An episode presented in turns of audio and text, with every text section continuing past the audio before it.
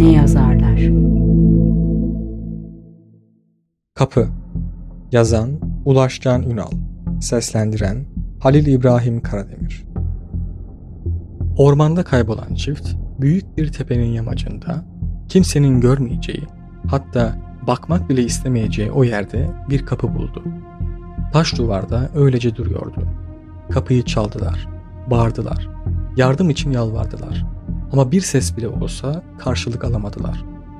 Karınları guruldarken güneş de yavaştan müsaade istedi.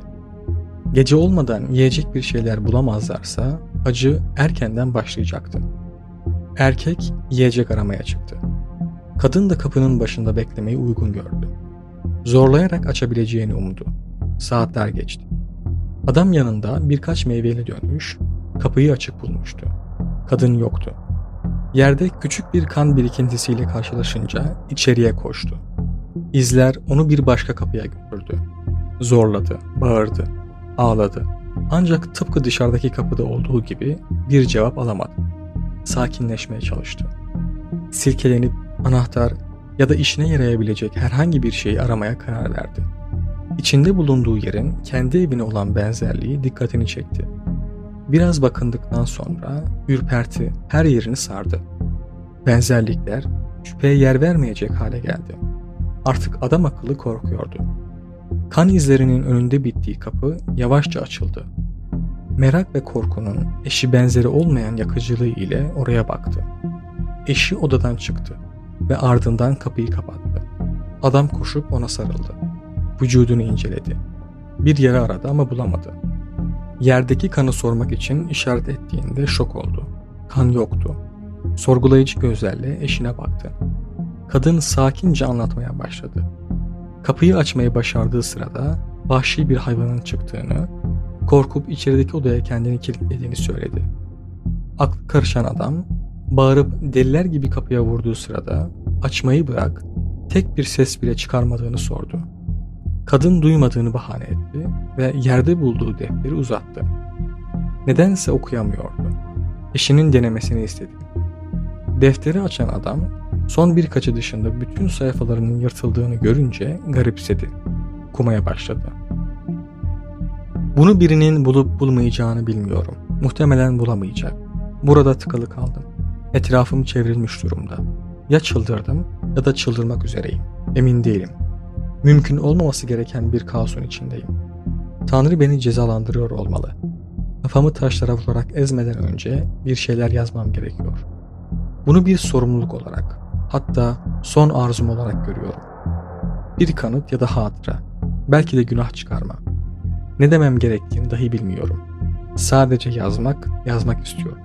Çok fazla vaktim yok. Bunu okuyan dostum. Çok çok üzgünüm.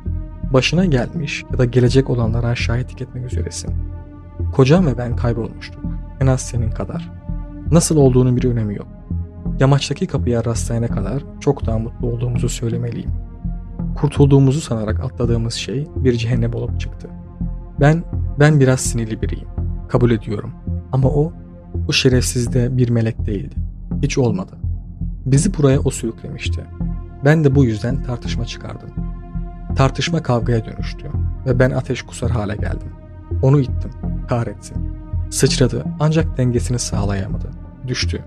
Biraz yuvarlandıktan sonra bir çalılıkta ancak durdu. Her yeri yara bere olmuştu.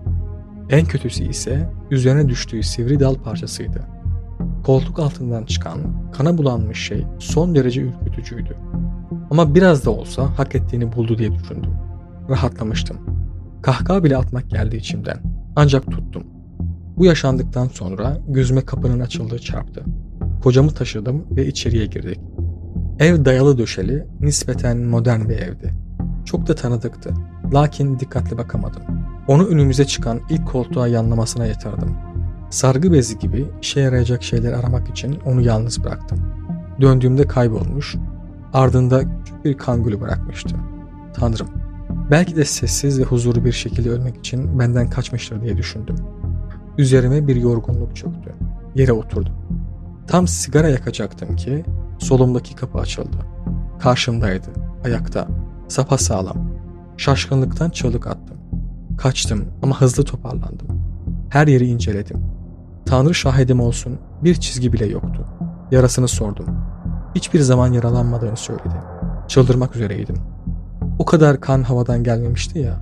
Bunu ona söylemeden önce dönüp koltuğa baktım. Kan yoktu. Diğer koltuklara baktım. Hepsi tertemizdi. Sanki hiç olmamış gibi. Başıma ağrılar girmiş, sinirlerim boşalmıştı. Pişkin pişkin rüyamda görmüş olabileceğimi ima etti. İnkar ettim. Benimle dalga geçti. Adi herif. Kendimi ve korkumu anlatmaya çalıştım. Her zaman benzer hayaller gördüğümü ve hatta dikkat çekmek için uydurduğumu öne sürdü. Sefil yaratık, şerefsiz. Kuduz bir köpeğe dürtüklemiş oldu son söyledikleriyle. Kendimi tutamadım. Ona saldırdım. Evet, ona saldırdım. Madem her şey bir rüyaydı, intikamımı almam gerekiyordu. Bana çektireceği daha ne kalmıştı ki? Boğuştuk. Çantamı ona fırlattım. İçindeki her şey yere saçıldı. Daha da sinirlendim. Çok fazla karşı koymadım. Ancak bu beni körüklemekten başka bir işe yaramadı. Kendimi kaybetmiştim. Yere yatırmış suratına vuruyordum. Ayağımın dibindeki makastan yansıyan ışık gözümü aldı. Ani bir kararla onu alıp kocamın gözüne soktum. Evet bunu yaptım. Kanlar elimi boyarken işin ciddiyetinin farkına vardım. Titremeye başlayınca krize girdiğimi sandım. Ancak bir iki dakika sonra inanılmaz derecede rahatladım. Kocam orada ölürken daha önce neden yapmadığımı kendime sorup durdum. Eski kötü anılar kafama hücum etti. Gözümü kapatıp çırpınmasını izlemeyi kestim. Çığlıklarını da kulaklarımı kapatarak engelledim. Ses kesildiğinde bir sigara yakmak istedim. Ama beni yeniden engelledi. Bunu okuyan şanssız dostum. Sana yemin ederim ki yaşanan şey hayal değildi. Yukarıda izleyen babamız neyi planlıyor bilmiyorum ama şahidim bir tek odur. Öldüğüne yemin edebilirdim. Ve bu konuda yanılırdım. Gözündeki makası çıkarıp ayağa kalktı. O odaya doğru yürüdü. İçeriden sapa sağlam çıktı odaya. Oraya girdi ve kapıyı ardından kapattı. Dakikalarca çığlık attım. Bağırdım. Yardım istedim. Kustum. Dışarı çıkmaya çalıştım. Lanet kapı yerinden bile oynamadı. Elinde defterle birlikte koşarak kapıya giden adam açılmadığına bizzat şahit oldu. Zangır zangır titriyordu. Eşinin şaşkın bakışlarına nasıl tepki vereceğini bilemedi. Yüzünün bembeyaz olduğunu söyleyen kadına korkuyla baktı. Bu notun bir konuda haklı çıkması onu her konuda haklı yapmayacağı düşüncesine sıkı sıkı tutundu. Kurtuluş ümidiyle sayfalara geri döndü. Kapıya vurdum. Ellerim kanayıncaya kadar kapıya yumruk attım. Gördüğüm manzara gözlerimin önünden gitmiyordu. Makası sakince çıkarması dehşet verici bir görüntüydü. Göz makasla birlikte göz çukurundan çıkmış ancak bağlantısını yitirmemişti. Aynı sakinlikte odaya doğru ilerlerken feri gitmiş göz ritmik bir şekilde elmacık kemiğine çarpıyor ve yapış yapış bir ses çıkarıyordu. O sesi hala duyuyorum kulağımın dibinde. Yardım çağırmaktan bakıp bir köşeye çekildim. Kafamı kollarımla sardım ve öylece bekledim. Bir süre sonra kapı açıldı. Karşımda hiç olmadığı kadar sağlıklı bir şekilde duruyordu. Ne yapacağımı bilemedim. Rüya olmalıydı. Başka bir açıklama bulamıyordum. Kafasını her salladığında gözünün çıkardığı o sesi tekrar duyuyordum. Kulağımı kapatınca gözümün önüne geliyor, gözümü kapatınca derin kan kokusu genzimi dolduruyordu. Düşünmemek için konuşmaya başladım. Kelimeleri zar zor bir araya getiriyordu. Ancak hiç olmadığı kadar iğneleyiciydi. Aşağılayıcı, nefret dolu. Dayanamadım, koştum. Kaçacak bir yer bulamadım. Çarpık konuşması her yerden duyuluyordu. Her adımda o yapış yapış ses kulağımı dolduruyordu. Bu günahı bir kere daha işledim. Onu öldürdüm. Kalkıp yeniden odaya girdi. Sonra bir daha öldürdüm. Aynı şey yeniden oldu. Sonra bir daha, sonra bir daha, onlarca kez. Artık boğazından fışkıran kana yabancı değildim. Ya da gözünün çıkmasına, ya da bacağının kopmasına, ya da kalbinin vücudundan ayrılmasına. Artık hiçbir şey garip değildi. Çığlık atmıyordu, kaçmıyordu. Sadece ölüyordu. En sonunda aklıma bir fikir geldi.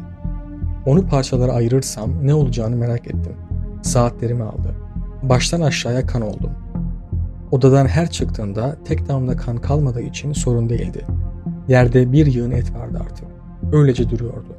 Tam bitti sanarken bütün parçaların sürünerek odaya doğru ilerlediğini gördüm. O küçük etlerin yavaş ilerleyişi ve çıkardıkları vıcık vıcık ses büyüleyiciydi. Birleşmesi çok uzun sürdü. Belki günlerce bekledim. Bilmiyorum. Kurtulduğumu düşündüm. İntihar etmeye hazırlanıyordum ki kapı açıldı. O dışarı çıktı ve çıktığı gibi yere düştü. Ağzından salyalar akıyor, gözünü bile kapatamıyordu. Oracıkta öldü ve tekrar odaya girmek için kalkmadı. Böylece bir sınırı olduğunu anladım. Uzun zaman cesedi izledim, çürümeye başlayana kadar. Ona katılmam gerektiğini hissettim. Uzun süre birlikte olduğumuz makası karnıma sapladım. Bunları yazarken de hala karnımda. Çıkarırsam kan kaybından hızlıca ölürüm. Büyük ihtimalle yeniden dirileceğimi ve bunu defalarca tekrarlamam gerekeceğini sanıyordum. Ne kadar safmışım, ne kadar salakmışım. O odaya kendi ayaklarımla girdim. Kendi bilincimle. Ne olacağını görmem gerekiyordu. Keşke ölmeyi bekleseydim. Beklemedim. Kapı ardımdan kapandı. Ve bir süre orada acı içinde bekledim. Girdiğim kapı açıldı. Tanrım, şimdi ölürken bile bu görüntü tüylerimi diken diken ediyor. Kapıdan içeriye birisi girdi. İçeriye ben girdim. Kanlı canlı. Tek bir çizgi yok. Mutlu. Öylece yüzüme baktı. Yanıma yaklaştı. O anlardaki hislerimi anlatmam çok zor. Korku ve huzur aynı anda içime hücum etti. Bunu yapan Tanrı olmalı. Gerçekten Tanrı olmalı diye düşündüm. Uzanıp bana sarılacak gibi oldu. Cennetten gelen bu meleğin beni sarıp sarmalamasını hayatta kalan bütün benliğimle istedim. Beni ittirdi. Yerde açılmış bir çukurdan lağım gibi bir yere düştüm. Bu, bu inanılmaz koku bayılmama izin vermedi. Düşmenin etkisiyle artık midemin bir parçası haline gelen makası kusacak kadar kötü bir çürük kokusu. Biraz kan kustum. Etrafıma bakınca onun melek olduğu fikrinden vazgeçtim. Onlarca ceset var burada. Çok fazla. Hepsi çok tanıdık. Bir sürü. Ölüler. Belki de değiller. Evet, parçalanmış. Boğazı kesilmiş. Gözü çıkmış. Bacağı kopmuş. Kalbi sökülmüş. Onlarca. Benim eserlerim. Daha fazla yazacak gücüm kalmadı. Eğer birisi bunu okuyorsa, sevgili dostum, hızlı bir ölümü şiddete düşünmelisin. Tanrı seninle olsun. Mektuptan kafasını kaldıran adam eşinin yüzüne baktı ve kim olduğunu anlamaya çalıştı. Sağına soluna bakındı. Odanın içinde bir o yana bir bu yana koştu. Eşinin yanına geldi. Deli gibi titriyor, gözleri fıldır fıldır dönüyordu. Kulağına eğildi ve bir soru sordu. Makasın var mı?